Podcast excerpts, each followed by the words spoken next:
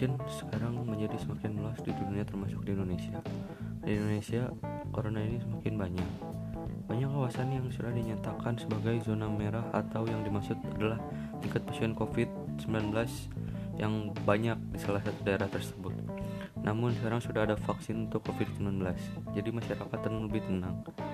Di masyarakat, banyak pihak-pihak yang menolak untuk diberikan vaksin karena e, katanya banyak banyak banyak kejadian yang orang orang-orang yang mendapatkan vaksin dan malah e, terkena penyakit tersebut. Menurut saya vaksin tersebut memang sangat berguna. Namun faktor usia juga mempengaruhi e, keefektifan vaksin tersebut. Namun tidak akan menjadi titan juga seperti yang ada di mana-mana Jepang. Sekali lagi tidak akan menjadi titan uh, yang seperti gambar di atas.